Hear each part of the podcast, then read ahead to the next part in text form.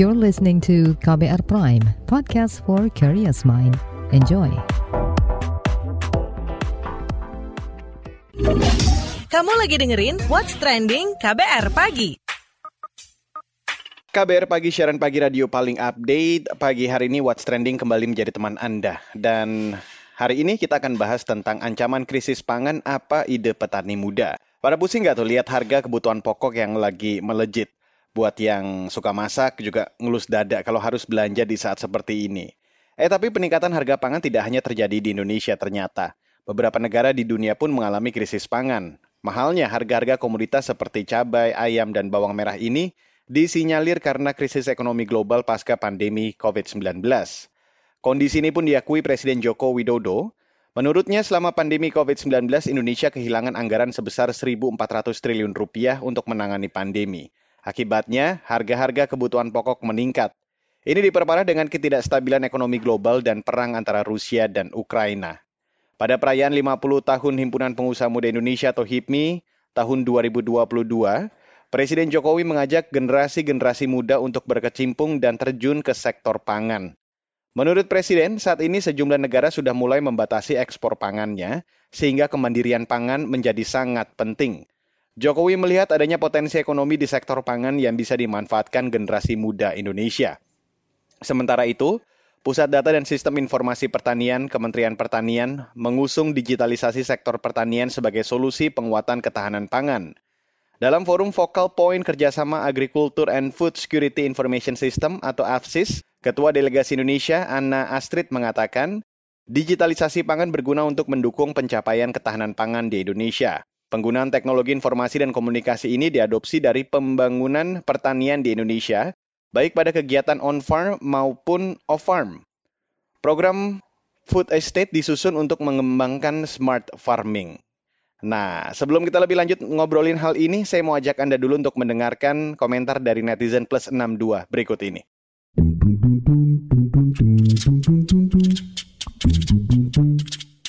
Kita ke komentar Ed Sandi Uno. Saya yakin petani dan peternak muda di desa wisata, desa kreatif dapat meningkatkan ekonomi contohnya lewat agrowisata dan wisata di peternakan yang sangat tinggi potensi untuk menciptakan lapangan kerja seluas-luasnya.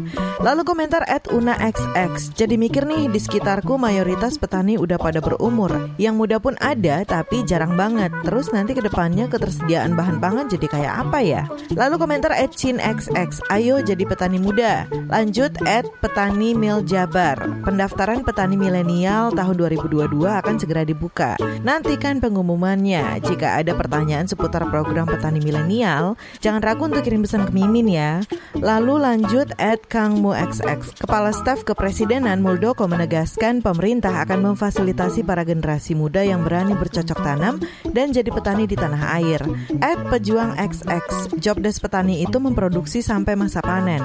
Selain itu, jika ada hal lain agar petani dituntut serba mengikuti perkembangan zaman ya berat juga. Makanya anak-anak muda yang jago di dunia media digital bantu petani yang punya problem di pertanian, bukan malah menuntut petaninya. Komentar at dia Pandu XX dan di sini kebanyakan petani udah ngelarang anaknya untuk jadi petani karena ya hidupnya susah.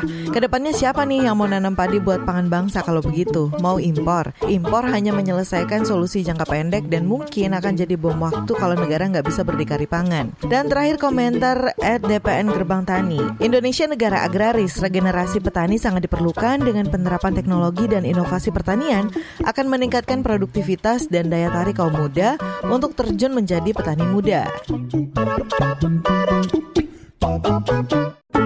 What's Trending KBR Pagi KBR Pagi, siaran pagi radio paling update. Anda masih di What's Trending KBR Pagi. Saudara Presiden Joko Widodo kembali mengingatkan soal ancaman krisis pangan dan energi. Menurutnya, krisis pangan yang terjadi saat ini masih permulaan. Meski sulit, dia meminta para stakeholder terkait memanfaatkan peluang pengembangan sektor pangan di Indonesia. Sebab Jokowi melihat masih banyak lahan-lahan yang belum digunakan secara optimal. Ini pun dianggap sebagai peluang ekonomi di tengah krisis. Berikut keterangan Presiden Joko Widodo pada pembukaan Rakornas Pengawasan Intern Pemerintah 14 Juni kemarin. Bahwa situasi saat ini ada situasi yang tidak mudah, situasi yang tidak gampang karena ketidakpastian global. Ancaman krisis pangan, ancaman krisis energi, ancaman kenaikan inflasi, semua negara mengalami. Dan sampai saat ini, ini baru awal-awal. Oleh sebab itu, kita semuanya betul-betul harus menyiapkan diri mengenai ini. Pangan harus betul-betul disiapkan betul. Energi betul-betul harus dikalkulasi betul. Karena separuh dari energi kita itu impor. Dan kita ini negara besar Pangannya juga butuh pangan yang besar. Energinya juga butuh energi yang besar, baik untuk kendaraan maupun untuk industri, untuk rumah tangga dan lain-lainnya. Tetapi ancaman krisis pangan ini juga bisa kita jadikan peluang. Karena lahan kita yang besar, banyak yang belum dimanfaatkan, banyak yang belum produktif. Saya mendapatkan telepon dari seorang Perdana Menteri, nggak usah saya sebutkan Beliau meminta-minta betul Presiden Jokowi, tolong dalam sehari dua hari ini kirim yang namanya minyak goreng. Stok kami betul-betul sudah habis dan kalau barang ini tidak datang akan terjadi krisis sosial, ekonomi yang berujung juga pada krisis politik. Dan itu sudah terjadi di negara yang namanya Sri Lanka. Bank Dunia IMF menyampaikan bahwa akan ada kurang lebih 60 negara yang akan ambruk ekonominya, yang 40 diperkirakan pasti. Inilah ketidakpastian yang tadi saya sampaikan. Pengamat Pertanian Institut Pertanian Bogor atau IPB, Dwi Andrea Santosa menilai mahalnya harga-harga komoditas pangan dikarenakan Indonesia bergantung pada produk-produk impor. Menurutnya, pemerintah harus menggeser pola pemenuhan kebutuhan pokok dari impor ke pemenuhan dari dalam negeri. Saat ini dia menyarankan pemerintah memperkuat ketahanan pangan dalam negeri agar keadaan tidak semakin memburuk. Berikut pernyataannya kepada KBR 13 Juni kemarin. Ketersediaan pangan itu di dalam konsep ketahanan pangan tidak peduli dari mana pangan tersebut berasal kan. Mau dari impor, mau dari dalam negeri tidak ada masalah itu yang menyebabkan impor pangan Indonesia itu mengalami lonjakan sangat tajam selama 10 tahun terakhir. Kan? Jadi kalau 8 komoditas pangan utama saja itu di tahun 2008 baru 8 juta ton, tahun 2018 10 tahun kemudian sudah melonjak ke 27,6 juta ton. Lalu 2019 turun sedikit, 2020 juga turun sedikit, tahun 2021 kemarin ini data yang sudah resmi ya, tetap publis ya, itu melonjak lagi lebih tinggi dibanding 2018, yaitu 27,7 juta ton. Jadi itu dalam arti apa? Upaya penyediaan pangan untuk masyarakat Indonesia saat ini semakin lama semakin tergantung impor. Gandum misalnya ya, gandum kalau tahun 70-an itu baru memenuhi ya hampir 0% lah sebagai pangan pokok kita. Nah lalu sekarang berapa? 26,9 persen, hampir 27 persen saat ini. Proporsi gandum sebagai pangan pokok kita. Dan kita tahu persis gandum itu tidak bisa ditanam di Indonesia ya ditanam bisa sih tapi kan nggak bisa produksi atau produksinya sangat kecil kan eh, sehingga 100% kita tergantung impor sehingga kalau sekarang ini terjadi gejolak harga gandum dunia langsung berimbas ke Indonesia perang Rusia Ukraina kemarin itu sudah melonjakkan harga gandum 56 persen. Sudah 56 persen tiba-tiba India melarang ekspor gandum. Naik lagi 6 persen. Jadi sejak Januari sampai sekarang ini harga gandum sudah meningkat 62 persen. Lalu apakah kok sekarang ini belum terasa? Sebenarnya sudah, tadi sudah saya sampaikan harga gandum itu melonjak tinggi, hanya nggak disadari aja ke masyarakat. Yang ini yang perlu diperhatikan pemerintah. Karena pemerintah harus mutlak bagaimana menggeser ketersediaan pangan yang berbasis impor ini ke ketersediaan pangan yang berbasis produksi dalam negeri. Itu yang amat sangat penting untuk mengamankan pangan Indonesia di masa depan. Baiklah, di bagian selanjutnya saya akan ajak Anda untuk mendengarkan obrolan saya bareng Wakil Sekretaris Jenderal Perdagangan DPP Pemuda Tani Indonesia, Ananda Bahri Prayuda. Sesaat lagi. What's Trending KBR Pagi.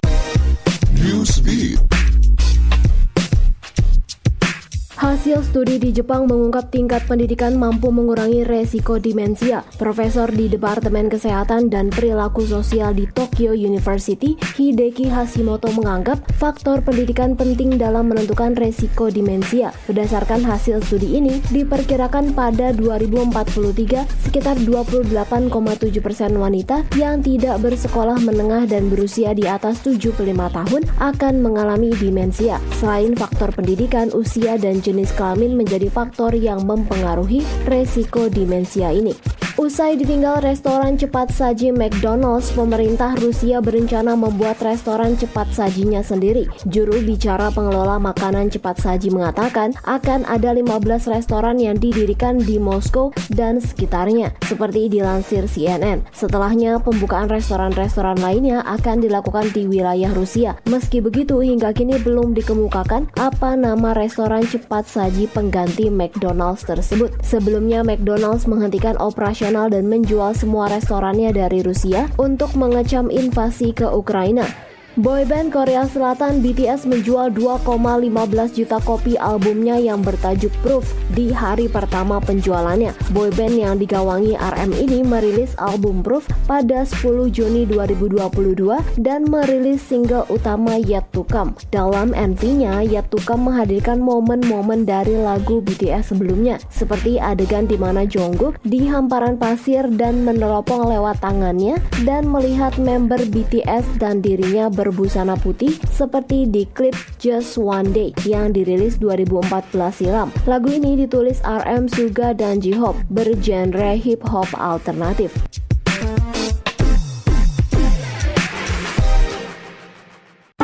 What's Trending KBR Pagi. Kita lagi membahas tentang ancaman krisis pangan. Apa ide petani muda? Saudara Wakil Sekretaris Jenderal Perdagangan DPP Pemuda Tani Indonesia, Ananda Bahri Prayuda, mengungkap sejumlah PR sektor pertanian yang mempengaruhi ketahanan pangan Indonesia. Mulai dari panjangnya rantai distribusi produk pertanian hingga kurangnya regenerasi petani dan pemanfaatan teknologi pertanian. Seperti apa? Kita obrolin aja langsung bareng Wakil Sekretaris Jenderal Perdagangan DPP Pemuda Tani Indonesia, Ananda Bahri Prayuda. Oke, menurut Anda kemandirian produksi pangan dalam negeri bisa atasi tingginya harga pangan yang kerap melanda?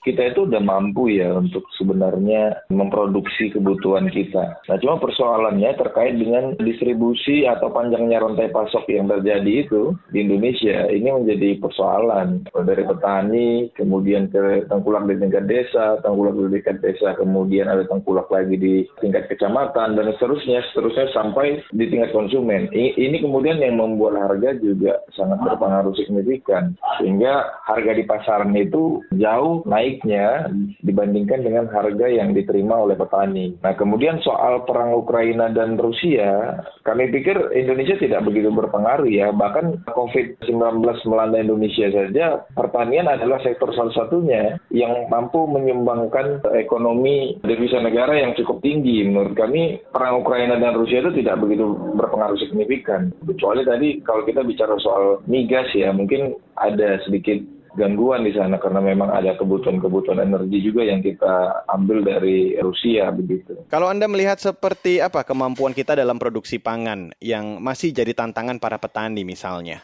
Sebenarnya kalau untuk potensi itu ya kita itu dalam memproduksi pangan sudah cukup baik. Namun memang pertanian kita masih sangat konvensional kan. Masih jauh dari pemanfaatan teknologi. Nah apalagi teknologi 4.0 atau 5.0. Nah itu kita masih jauh sekali. Jadi petani ini sebetulnya mereka harus mau lebih terbuka terhadap informasi dan pengetahuan baru. Nah harus mampu mengukur potensi bagaimana pasar ke depan, ya kan bagaimana kemampuan lahan agar kemudian tidak terjadi petani-petani yang trendy gitu. Trendy itu maksudnya apa yang sedang mahal itu yang ditanam, apa yang sedang booming itu yang ditanam. Nah padahal ini kemudian tidak membuat mereka juga mampu meningkatkan kesejahteraannya. Malah eh, saat musim panen biasanya hal-hal yang begitu jadi rendah harga pasarnya karena barang di pasarnya melimpah begitu. Ini ada kaitannya juga dengan lemahnya pengawasan pasar usaha ya KPPU. Kami melihat bahwa masih terjadi pengawasan hanya di tingkat-tingkat atas saja di pengusaha-pengusaha yang besar, tapi tidak sampai ke ranah-ranah bawah begitu. Bahwa KPPU ini sebetulnya perannya sangat penting untuk mengawasi tata niaga perdagangan di sektor pertanian. Bicara tentang regenerasi petani, apakah ini menjadi salah satu kendalanya dan apa yang dibutuhkan agar makin banyak pemuda yang terjun ke komoditas pangan? Sangat besar kendala regenerasi petani karena memang menurut data DPS juga petani Indonesia itu sudah rata-rata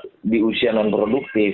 Jadi memang regenerasi petani ini menjadi konsentrasi serius menurut kami karena apalagi mengingat 2045 itu adalah Indonesia mengalami bonus demografi. Nah, kalau kemudian ini tidak dilihat secara serius, ini bisa menjadi bom waktu lah buat bangsa kita kalau memang sektor pertaniannya tidak ada lagi anak-anak muda yang mau mengisi sektor pertanian, kemudian siapa lagi yang akan bertani begitu. Selama ini kan mindset, mindset yang terbentuk di tatanan mereka adalah petani itu miskin, petani itu kumuh, jauh dari kesejahteraan. Tidak ada jaminan hari tua, tidak ada kehidupan yang layak di sana. Siapa kemudian yang yang mau bertani kalau seandainya digambarkan dengan kondisi itu? Karena mereka menemukan kondisi itu bukan dari apa yang mereka baca, tapi apa yang mereka saksikan langsung. Bagaimana orang tua mereka bertani, kecilnya lahan. Ya, karena memang rata-rata petani di Indonesia hanya memiliki 0,5 sampai 0,7 hektar saja, sangat kecil lahan yang dimiliki. Sebagai golongan petani muda nih, punya ide dan gagasan apa untuk ketahanan pangan negeri ini? Kita berusaha menggagas bagaimana agar petani muda bisa mendapatkan kemudahan terhadap akses-akses yang tadi saya sampaikan. Kan kita kemudian juga ke depan akan membuat pelatihan agar pemuda di desa bisa beradaptasi dengan perubahan-perubahan teknologi yang cepat, mulai dari tahap pengemasan sampai kemudian pemasaran. Kita juga akan rencana membuat pelatihan-pelatihan ekspor bagi pemuda-pemuda di desa agar bagaimana caranya komoditas di desa itu bisa kembali asetnya ke desa, tidak lagi komoditas itu kemudian hanya terjual keluar tanpa ada yang tertinggal di desa. Kalaupun ada yang tertinggal, hanya dalam jumlah yang kecil. Nah, sehingga ke depan kita mendorong anak-anak muda di desa ini agar mampu untuk menjangkau pasarnya sendiri Pemuda Tani juga sudah menggagas beberapa program terkait aplikasi digital yang memang akan kita launching, insya Allah itu nanti di satu hari setelah Hari Tani, tanggal 24 September. Berarti kita akan launching di 25 September. Nah, rencananya kita akan launching nanti beberapa aplikasi digital yang memang fitur-fiturnya itu salah satunya juga berkaitan dengan kemudahan-kemudahan petani lah terhadap akses informasi. Digitalisasi dan pemanfaatan teknologi di sektor pangan menurut Anda sudahkah dimaksudkan dimaksimalkan? Seberapa penting ke depannya? Menurut kami sih masih sangat kurang ya. Jika dunia sudah 4.0, 5.0, kita masih 1.0 mungkin. Kita masih sangat konvensional dalam sektor pertanian. Eh, teknologi kita belum benar-benar menyentuh petani, apalagi petani di usia-usia non-produktif ya. Banyak di antara petani kita juga yang masih gagap terhadap teknologi. Harus ada teknologi yang kemudian lahir yang memastikan bahwa dalam bulan ini kita akan panen padi sekian ton begitu. Sehingga kalau ada pun wacana wacana-wacana impor gitu kan kita tahu bahwa ya memang kebutuhan kita tidak cukup sehingga kita memang harus impor. Nah selama ini kan tidak pernah terjadi itu berapa banyak beras yang sudah terdistribusi di gudang-gudang di gudang-gudang penggilingan, berapa banyak beras-beras yang ada di tingkat petani, berapa banyak beras-beras yang ada di pasar, berapa banyak beras-beras yang ada di eh, tingkat konsumen. Ini tidak pernah terdata dengan real begitu. Oke, terima kasih. Itu tadi Wakil Sekretaris Jenderal Perdagangan DPP Pemuda Tani Indonesia, Ananda Ananda Bahri Prayuda. What's trending KBR pagi? Commercial break. Commercial break.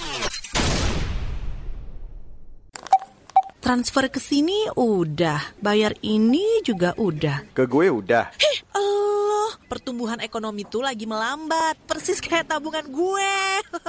Betul banget harus matang ngelola keuangan. Pengennya tuh investasi sesuatu gitu ya apa gitu yang cocok dan menguntungkan? Hmm, coba dengerin uang bicara deh. Gue belakangan lagi dengerin podcast itu di KBR Prime. Reksadana yang tadinya 500 juta udah turun dari 250 juta sekarang 10 ribu. Sama kita ngopi, mahalan mana? Ketika itu ada keputusan yang kayak begitu, investor harus tahu gitu, oh ada keputusan ini berarti implikasinya apa? Orang mungkin perluas literasi kamu lewat podcast Uang Bicara. Uang Bicara menavigasi kamu dengan menghadirkan bahasan-bahasan seru dan populer mulai dari investasi sampai kebijakan. dipersembahkan oleh KBR Prime dan bisa didengarkan di KBR Prime, Spotify, dan platform mendengarkan podcast lainnya. KBR Prime, podcast for curious mind. What's trending KBR pagi?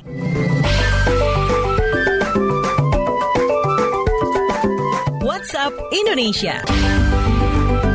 WhatsApp Indonesia dimulai dari Jakarta untuk menguatkan ketahanan pangan Kementerian Pertanian mengusung digitalisasi di bidang pertanian. Usulan ini muncul saat Pusat Data dan Sistem Informasi Pertanian Kementan selaku focal point kerjasama Agriculture and Food Security Information System AFSIS menjadi tuan rumah pertemuan vokal poin ke-20. Sekretaris Jenderal Kementerian Kasdi Subagiono mengklaim pihaknya tengah fokus pada dampak perubahan iklim yang berpengaruh pada sektor sektor pertanian. Menurutnya perubahan iklim mengecam ketahanan pangan di Indonesia. Subagio sendiri mengatakan negara-negara ASEAN menyepakati penguatan ketahanan pangan dan gizi setelah pandemi COVID-19 ini. Menurutnya penyediaan data dan informasi dari negara-negara di ASEAN terkait masalah ini penting untuk membuat sebuah strategi ke depannya. Ketua Delegasi Indonesia Ana Astrid mengatakan digitalisasi bidang pertanian akan diadopsi dari pembangunan pertanian Indonesia melalui teknologi informasi dan dan komunikasi. Melalui kegiatan on-farm atau off-farm, kapabilitas dari para petani akan ditingkatkan. Monitoring pun akan dilakukan untuk melihat ketersediaan dan distribusi produk pertanian. Selanjutnya menuju Bali saat menghadiri pawai kesenian Pesta Kesenian Bali di kawasan lapangan Puputan Niti Mandala dan Pasar Bali, Menteri Pariwisata dan Ekonomi Kreatif Sandiaga Salahuddin Uno meminta masyarakat khususnya para pelaku pariwisata mewaspadai subvarian baru Omikron BA4 dan BA5. Dia mengatakan varian ini sudah masuk ke Indonesia termasuk Bali. Men Parekraf Sandiaga meminta masyarakat waspada sambil mengikuti arahan pemerintah. Menurutnya sangat penting menjaga momen momentum kebangkitan sektor pariwisata saat ini. Ia pun meminta masyarakat untuk tetap patuh dan disiplin menerapkan protokol kesehatan. Saat ini pergerakan wisatawan Nusantara ke Bali sudah mencapai 70% dan wisatawan mancanegara sekitar 30%. Pada akhir tahun peningkatan wisatawan ke Bali akan digenjot di mana harapannya 1,1 juta lapangan kerja tercipta di Bali dan wisatawan Nusantara balik 100% lagi.